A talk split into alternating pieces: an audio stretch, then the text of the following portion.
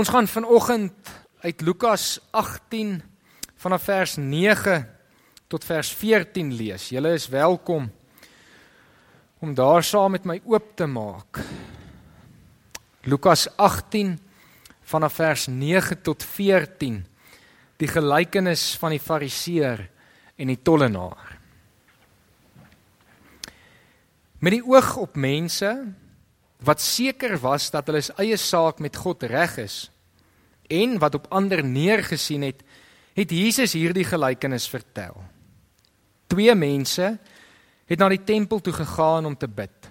Die een was 'n Fariseer en die ander een 'n tollenaar. Die Fariseer het gaan staan en by homself so gebid: O God, ek dank U dat ek nie soos ander mense is nie. Diewe, bedrieërs, egbreekers en ook nie soos hierdie tollenaar nie. Ek vas twee keer in die week en ek gee 'n tiende van my hele inkomste. Maar die tollenaar het daar ver bly staan en wou selfs nie na die hemel opkyk nie. Hy het bedroef op sy bors geslaan en gesê: O God, wees my sondaar genadig. Ek sê vir julle, hierdie man en nie die ander een het huis toe gegaan as iemand wie se saak met God reg is. Elkeen wat hoogmoedig is, sal verneder word en hy wat nederig is, sal verhoog word. Ek wil vanoggend vir jou vra, wie is jy? Is jy die fariseer of is jy die tollenaar? meer mense as wat dit wil erken. Moet vandag sê ek is eintlik soos die fariseer. Meer mense behoort vanoggend te sê ek is die tollenaar. En die meeste van ons is my vermoede kies om onpartydig te bly Ons probeer in hierdie storie onsself eintlik vereensgewig met die wat na Jesus geluister het. En dis net ietsie uit hierdie verhaal wil leer. Maar ons wil nie regtig onsself in een van hierdie twee persone se skoene gaan plaas nie. Want die oomblik wanneer ons dit doen, beteken dit daar's 'n verantwoordelikheid op ons. Maar vanoggend kan jy nie onpartydig bly nie. Vanoggend moet jy die keuse maak oor wie jy is. Is jy die fariseer of is jy die tollenaar? Ons visie vir 2019 is radikale Christen wees. Radikaal omdat ons glo Jesus was radikaal en ons wil hom volg. Wat ons gaan later mooi na daai toe terugkom, jy kan hom van nou maar afval. Radikale Christen wees beteken om Jesus te volg. Laasweek het ek begin preek en ek het gesê dat Jesus radikaal opgetree het op verskillende maniere. En hy het dit gedoen omdat hy die melodie van sy tyd wou verander deur die lewensritmes te kom uitdaag en verander sodat die evangelie, die koninkryk van God sigbaar kon word en dat elkeen van ons nodig het om hom te volg in sy lewensritmes en op ander musiek as die wêreld te begin dans. Maar net so lief soos Jesus daarvoor was om radikale optredes te hê, was hy baie lief daarvoor om radikale uitsprake te maak wat bedoel was om mense te skok sodat mense vir 'n oomblik bietjie weer gaan nadink oor waarmee hulle besig is en wat die implikasies is vir hulle verhouding met God. En net soos Jesus hierdie verhaal bedoel het as 'n verhaal om te skok so lank terug, is dit vanoggend bedoel om jou te skok. Jou wakker te skrik. Om te sê maak seker. Maak seker jou verhouding met God is reg.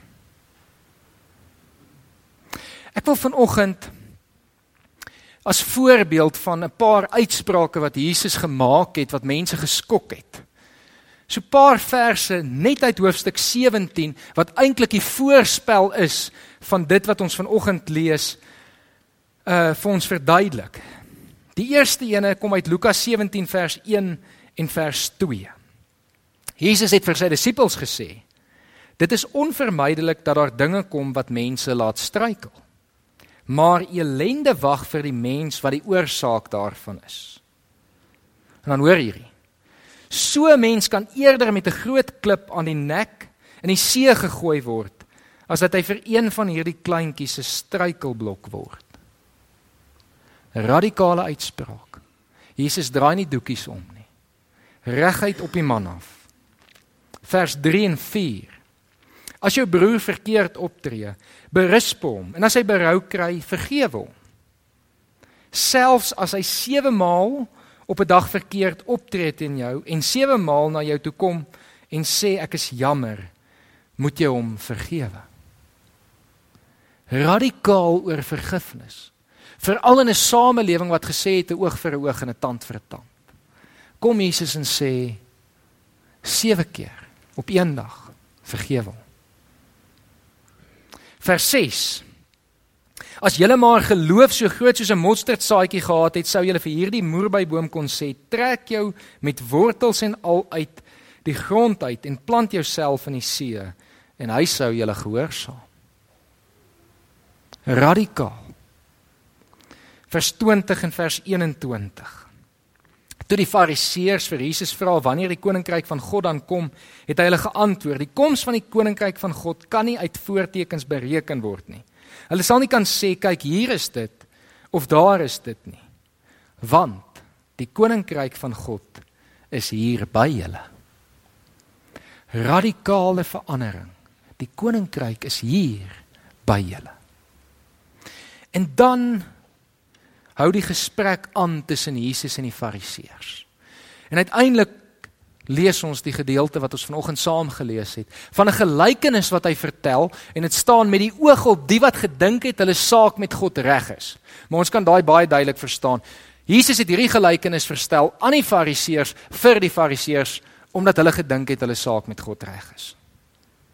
Dis radikaal om regheid vir die wat voor jou staan aan te vat op die wyse wat Jesus dit doen. Jesus begin die gelykenis, dan sê hy daar was twee mense wat tempel toe gegaan het. Die eerste een, 'n Fariseer. Op hierdie stadium hou die Fariseërs van wat Jesus sê want die Fariseërs was baie lief daarvoor om tempel toe te gaan om te gaan bid. Veral wanneer baie mense in die omtrek was sodat die mense sou sien hulle gaan tempel toe om te bid. En nou is dit nog beter. Jesus vertel vir die mense, die Fariseërs gaan tempel toe om te bid. Hulle hou van wat Jesus sê op hierdie stadium. En dan sê Jesus en die ander een, en nou wil ek hier met so 'n bietjie 'n verbeelding gebruik. Een van die Fariseërs was dalk besig daarom sommer net 'n sluk water te vat terwyl Jesus die volgende sê. En hy sê en die ander een was 'n tollenaar. En op daai oomblik, julle het dit al almal gehad, skrik daai Fariseër so dat hy spoeg al daai water uit rondom hom. Julle kry 'n prentjie, nê? Nee. Want hy wil sê wat 'n tollenaar tempel toe gaan om te gaan bid. Daar's nie 'n manier nie. Want een tollenaars het nie tempel toe gegaan om te gaan bid nie. Maar twee tollenaars is nie welkom by die tempel nie. Want tollenaars is sleg. Tollenaars is sondaars. Tollenaars is oneerlik. Hulle bedrieg mense.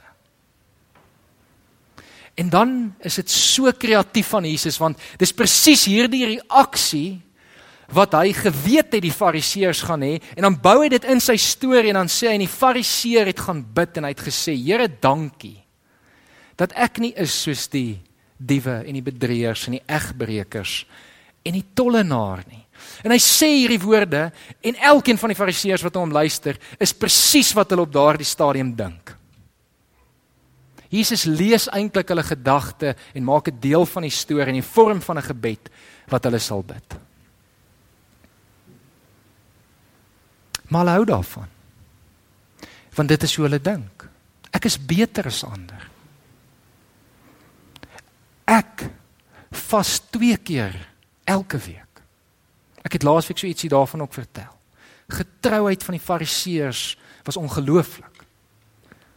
Met die verkeerde intensie en met die verkeerde uitkoms. Ek vas 2 keer 'n week en ek gee 'n tiende van alles wat ek het. En dan kom by die tollenaar. En die tollenaar sê die Grieks vir ons het so een kant eintlik in die hoek weggekruip en as jy nou al so 'n bietjie die prentjie het van die tempel, antieke tempel in in Israel was daar verskillende gedeeltes van die tempel. En waarskynlik het hierdie tollenaar eintlik maar net so half tot by die ingang van die tempel gekom en wou eintlik nie verder gegaan het nie. Dalk het hy ingegaan maar so half eenkant in 'n hoek gaan staan. En daarso het hy op sy knieë neergesak, het bedroef geword sê die tek vir ons. Hy was so vernederd dat hy nie sy oë kon oplig nie. Jy kry die idee van hoe hy daar gesit het.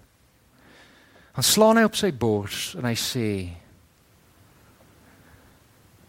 God wees my sondaar genadig. Wees my sondaar genadig. Die woord wat hy gebruik hier vir wees my genadig kom net 2 keer in die Bybel voor. Net 2 keer. Die woord is hilaskomai. Tweede keer wat hy voorkom is in Hebreërs 2 vers 17 en vir ons om regtig te verstaan wat bid hierdie tollenaar, gaan ek hierdie vers lees want ek dink dit gaan duidelikheid werp. Daarom moes hy en is Jesus waarvan hier gepraat word in elke opsig aan sy broers gelyk word sodat hy 'n barmhartige en getroue hoëpriester voor God kon wees om die sondes van die volk te versoen te begenadig.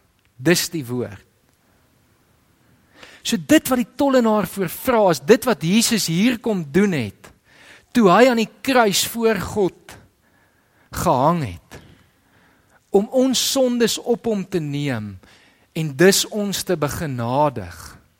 Dit is wat die tollenaar hiervoor bid. En dan kom die laaste uitspraak. Die een wat bedoel is om eintlik die uitklop hou te wees van Jesus. Dan sê hy vir die fariseërs. Julle moet nou mooi bestaan. Hy sê dit direk vir hulle eerder die tollenaar as die fariseer gaan weg van die tempel af as iemand met wie se wie se saak met God reg is. Radikale uitspraak. Ek vermoed daar's 'n paar paar fariseërs wat Jesus daar wou gryp en hom wou aanrand. Want hoe kan hy dit reguit vir hulle sê? Dis so goed soos ek staan vanoggend en ek sê vir jou, weet jy, julle saak met God is nie reg nie. En miskien moet ek so kies in die mond sê as die skoen jou pas trek hom vanoggend aan. Ek gaan laastens om regtig die radikaliteit van hierdie verhaal uit te lig. Vanoggend 'n moderne weergawe van die verhaal vertel. Daar was 'n ouderling en 'n karwag wat een Sondag kerk toe gekom het. Die ouderling het ingekom en soos hy ingestap het, netjies aangetrek, het hy begin bid. En hy het so verby mense gestap en hy het gesê: "Here, dankie dat ek nie soos Jan is nie." Hy is mos maar 'n bietjie oneerlik. Here, dankie dat ek nie soos Koos is wat so 'n bietjie moeilikheid in sy huwelik het nie. Here, dankie dat ek nie soos al hierdie ander mense is nie. Dankie dat ek as ouderling goeie mens is. Here, U weet ek bring my kant. Ek het volgens stilte tyd gehou. Ek hou gereeld stilte tyd. Ek bid tot U en ek gee my deel vir die kerk. Ek bring my kant. En die ouderling het heel selfvandaan kom sit. En die karwag wat vuil is, stink. Kon nie gebad het nie. Het so 'n bietjie buite die kerk bly staan op die trappe gaan sit. Begin huil. En gesê, Here, wees my sondaar genadig. En ek sê vir julle, eerder die karwag as die ouderling se saak met God is reg.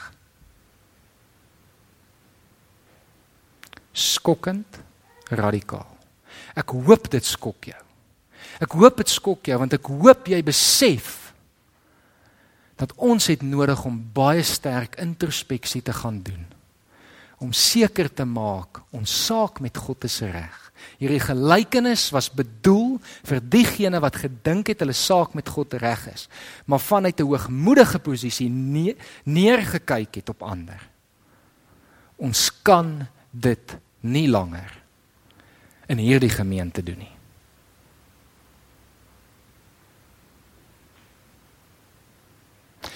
Ons jaartema radikale Christen wees kan alleenlik gebeur wanneer ons dit doen vanuit die posisie van die tollenaar en nie vanuit die posisie van die fariseer nie. Want en Jesus het hierdie self ook direk vir fariseer gesê.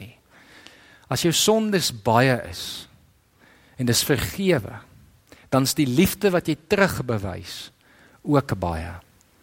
Botie jy kan nou vir my daai sewe skyfies opsit. Ons het gesê hierdie jaar gaan ons as gemeente fokus op radikale Christen wees aan die hand van daardie sewe opskrifte. En daardie sewe opskrifte is bedoel om jou jou lewe so in te rig dat jy regtig leef soos wat Jesus wil hê jy moet leef.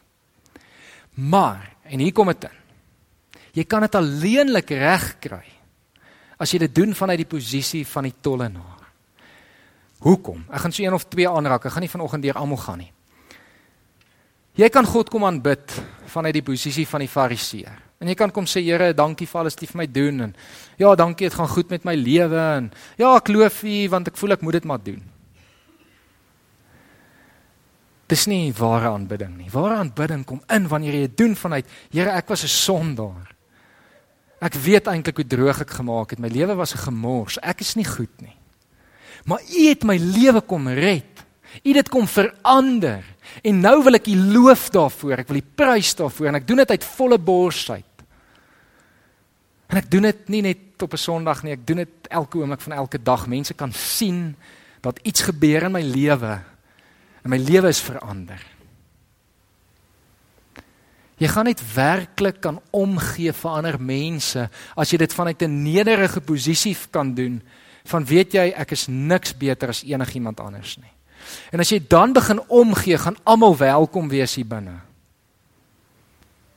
Gaan niemand uitgesluit wees nie. Niemand gaan voel ek is nie goed genoeg om hier te kan kom sit nie, want ek het een of ander iets verkeerd gedoen nie. Want ons gaan sê ons almal is mense wat goed gedoen het wat ons nie moes nie.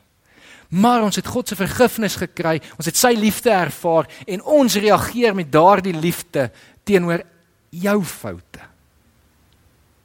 Teenoor die een wat links en regs en voor en agter van jou sit. Ons reageer met liefde en met omgee. Jy kan gaan getuig vanuit 'n tollenaarsposisie dat my lewe was 'n gemors, maar die Here het hom verander. Jy kan dit nie doen vanuit 'n fariseersposisie van my lewe was goed en eintlik ek ek's maar net oulik nie. Dis nie 'n getuienis nie. 'n Getuienis het nodig om te sê ek was verlore, maar ek is gevind. Ons gaan die res van hulle nog by die jaar uitkom. Ek dink julle kry die punt. Ek dink julle begin verstaan waaroor gaan hierdie gelykenis van die Here. En ek hoop iets in jou gemoed is ongemaklik vanoggend. Want ek hoop ons gaan hierdie jaar 'n radikale gemeente kan wees. Wat as radikale sondaars wat tot bekering gekom het. Geredde mense, gered van die dood. In hierdie gemeente met mekaar kan omgaan en met die wêreld daar buite. Want ons wil op die ou en 'n radikale verskil in ons omgewing maak. En ons kan dit net doen vanuit die posisie van die tollenaar. Ek wil vanoggend vir jou geleentheid gee om so 'n bietjie te reflekteer. En ons gaan dit doen aan die hand van die volgende prentjie.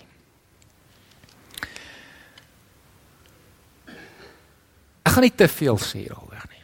Ek wil hê jy moet na daai prentjie kyk en ek vir die wat dit dalk nie kan kan mooi lees nie, gaan ek net dit lees. Die opskrif onder is we hardly have anything in common anymore. En dan is dit Jesus en die kerk wat by 'n terapeut gaan sit, 'n huweliksberader. En vanoggend wil ek hê jy moet jouself in die posisie van die kerk plaas. Jy is die kerk. En jy gaan sit daar vanoggend langs Jesus met daai opskrif. Wat het ons nog in gemeen? En ek wil hê jy moet bietjie reflekteer oor jou lewe. En dan moet jy vir die Here begin sê, Here, ek's bereid om die volgende te begin verander sodat ek as die kerk weer in eensstemming is met u u doel en u koninkryk. Kom ons gee 'n geleentheid.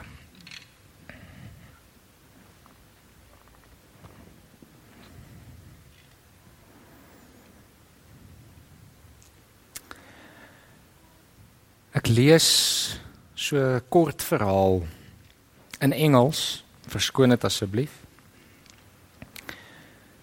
Wat vir ons verder uitdaag oor die vraag watter tipe kerk wil ons wees? His phone rang in church by accident during prayers. The pastor scolded him. The worshippers admonished him after prayers for interrupting. His wife kept on lecturing on his carelessness all the way home. His co-vineyard workers shook their heads in disgust. You could see the shame, embarrassment and humiliation on his face. He never stopped, stepped foot in the church again. That evening, he went to a bar. He was still nervous and trembling. He spilled his drink on the table. Bottle falls by accident and it splashed on some people. Those he touched rushed, rushed towards him. He closed his eyes, expecting bashing of words or slaps. Instead, they cared to know if he didn't get a cut from the broken bottle. The waiter apologized and gave him a napkin to clean himself. The janitor mopped the floor. The female manager offered him a complimentary drink. She also gave him a huge hug and peck while saying, Don't worry, man, who doesn't make mistakes? He has not stopped going to that bar since then. Watter kerk wil ons wees? Ons wil hierdie jaar 'n kerk wees van radikale mense wat 'n radikale verskil in ons omgewing maak. Ons wil radikaal omgee vir mekaar. Mekaar vergewe en met liefde behandel. Ons wil radikaal gaan getuig daar buite van hoe goed God is en hoeveel hy ons seën en hoe hy ons kom red het. Ons wil radikaal Jesus volg al beteken dit mense begin dink ons is vreemd. Ons wil radikaal wees in al ons doen en late sodat ons op die ou ende God kan verheerlik en Harry Smit 'n gemeente kan wees waar almal welkom is. En 'n gemeente kan wees wat hier is nie ter wille van onsself nie, maar ter wille van God en van sy koninkryk. Ek hoop jy is gereed en ek hoop jy is in. En ek hoop jy maak vanoggend jou keuse. En jy is bereid om met passie in te klim hierdie jaar. Deel te neem, betrokke te wees in ons projekte, in ons stedering na die tyd, in ons kuiergelede, ons wijksbyeenkomste, ons erediens bywoning. Kom ons gaan hierdie jaar en wees 'n radikale gemeente.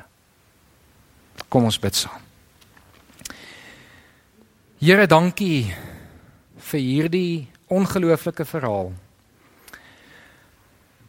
wat ons tog tot op ons knieë bring. En Here waar ons eintlik net kan kom sê Here wees ons sondaars genadig.